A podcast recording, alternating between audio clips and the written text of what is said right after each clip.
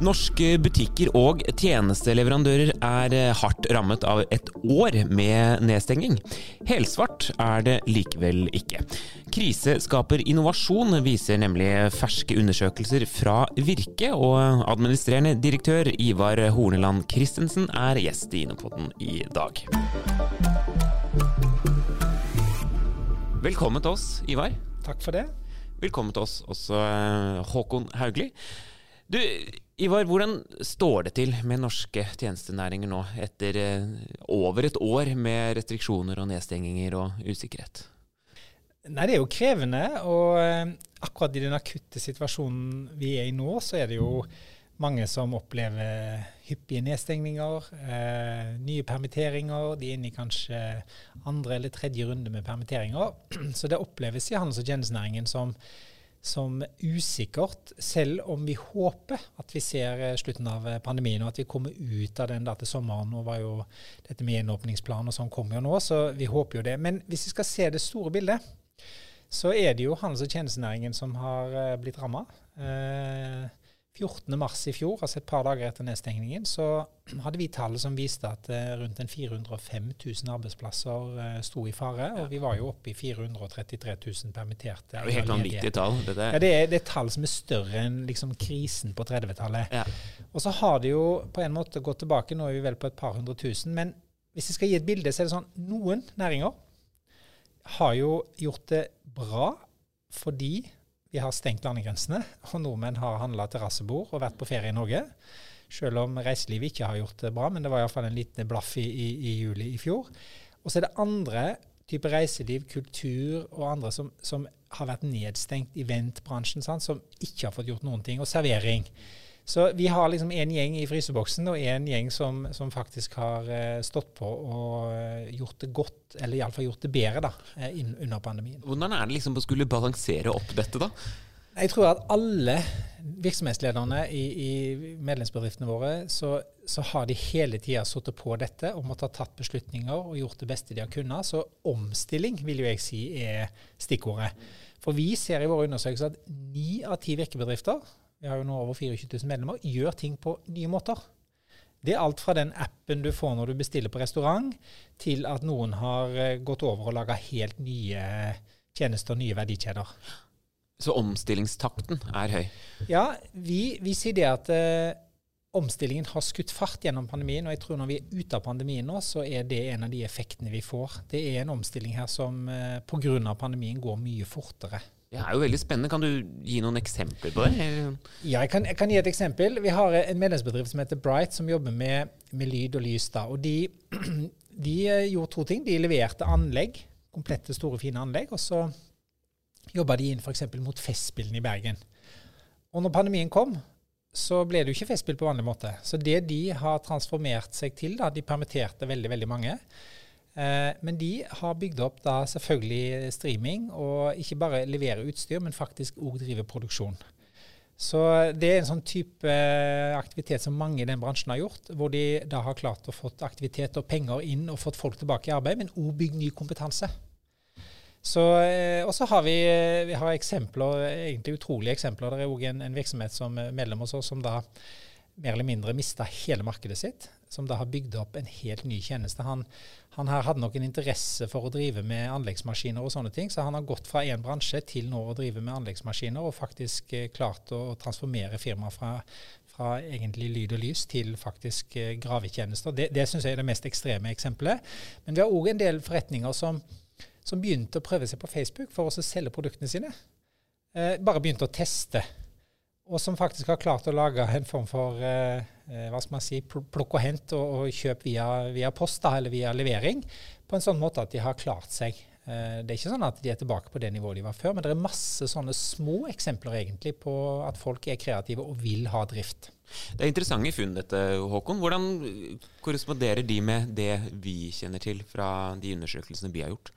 Vi ser eh, akkurat det samme. Først si at det er veldig stas at du er her, eh, Ivar. Vi har jo et veldig tett samarbeid med mange av eh, bedriftene og de næringene Virke organiserer, og særlig reiselivsnæringen, hvor vi har et stort oppdrag. Og vi ser akkurat det samme som du beskriver.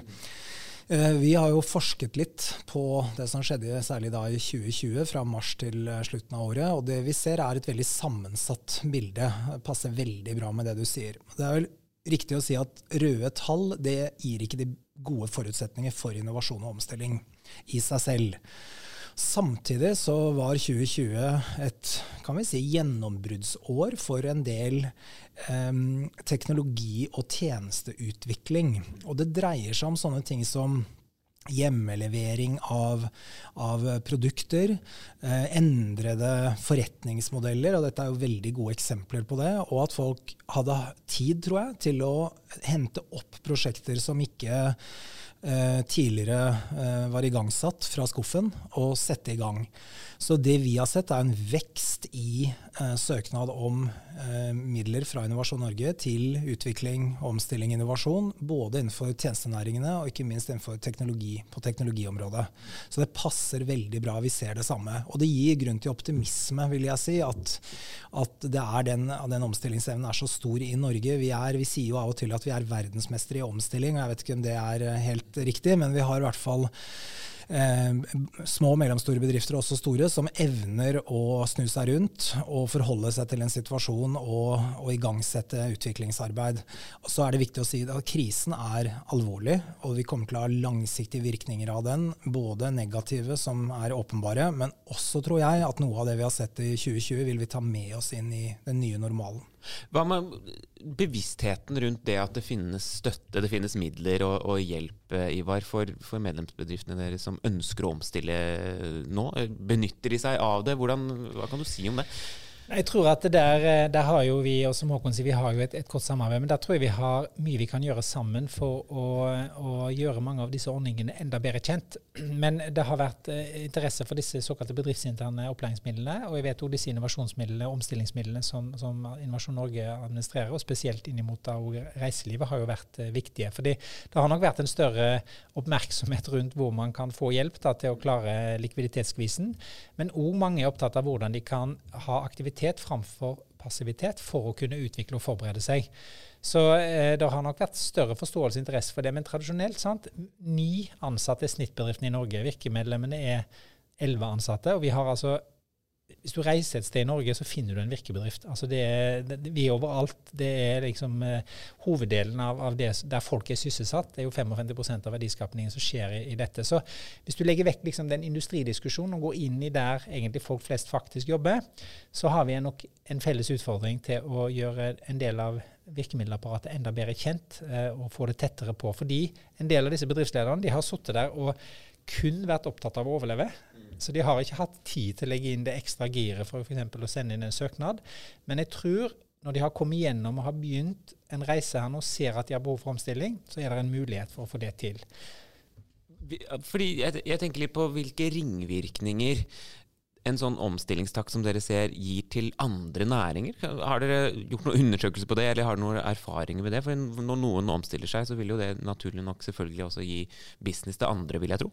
Ja, vi, vi, Det er to ting jeg vil dele der.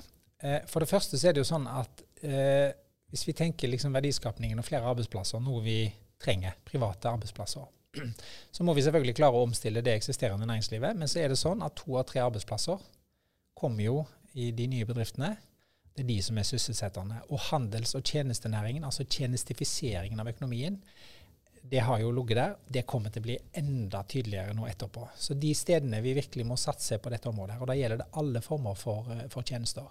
Og så er det en annen interessant ting. Eh, Handelshøyskolen har gjort en, en, studie som viser at eh, tre av fire virksomheter er mer opptatt av dette med bærekraft. Altså Vi ser en tendens på at bærekraft begynner å komme inn. Det er ikke sikkert at det er forretning akkurat nå, men det ligger noe der òg som er interessant, og som gjør at uh, når vi er litt gjennom den akutte fasen her, så kommer det til å bli mye tydeligere. Og da er våre type, altså handels- og tjenestenæringen er nøkkelen hvis vi skal få til mer verdiskapning og flere arbeidsplasser. Hva tenker du Håkon, hvordan påvirker omstillingstakten næringslivet for øvrig? da? Uh, altså jeg tror dette med det grønne det har fått et veldig løft, drevet fram av mange ting samtidig. Uh, så det er jeg veldig enig i det. Vi holder på å lage en sirkulærøkonomistrategi nå. og Den hviler veldig mye på den forståelsen som det Ivar nå gir uttrykk for. Dette handler i veldig stor grad om uh, tjenester og teknologi og det vi kan kalle å lukke like verdikjeder, eller sirkulære systemer. Og det, vi har tenkt på sirkulærøkonomi mye, tror jeg, historisk som avfallshåndtering, og sikre at den, den siste biten da, av kjeden lukkes, men det er veldig, veldig mye mer. Og der vil handelsbedriftene ha en, eller alle bedrifter som driver med transaksjoner som en del av et produkts reise gjennom et system, vil ha en nøkkelrolle ja. i det. Hvordan da? Fordi det skaper nye ja, det bedrifter? Skaper det, ja, absolutt. Det skaper nye bedrifter. og jeg for øvrig helt, ja, Det er veldig bra du tar opp det med entreprenørskap og det, det der bevisstheten om at vi hele veien trenger å etablere nye bedrifter. Og mange av disse vil bli etablert, tror jeg, i eh, på det vi kan kalle bærekraftige områder. Og der driverne er mange, men det handler både om tilgang på kompetanse. Altså Unge mennesker i dag ønsker å jobbe med noe som gir mening. Det er en bred klisjé, altså, men jeg tror det er riktig. I tillegg ser vi kapitalen flytter seg til, det gjøres nå investeringer i, eh, i grønt. Og kundene, altså etter etterspørselen etter den type løsninger øker. Og på toppen av det, EU, massive investeringer i, i grønt. Alt dette i sum gjør at uh, forretningsmulighetene ligger der. Det nye næringslivet vil måtte være bærekraftig. Og det innebærer at vi trenger en, en underskog av uh, bedrifter som griper disse mulighetene, og som er i stand til å ta disse løsningene også ut i verden. Mye av det vil dreie seg om tjenester.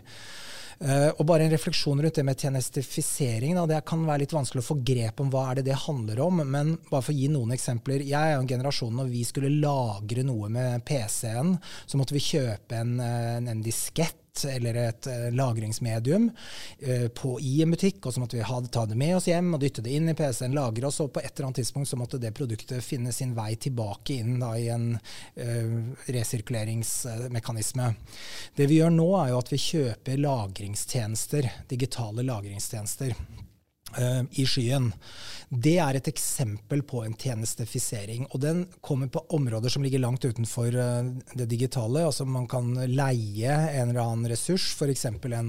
et lokale. Det er jo ikke noe nytt. Men la oss si retten til å bruke en vei kan være en tjeneste. I dette ligger det store muligheter for nye forretningsmodeller og eh, bedriftsetableringer.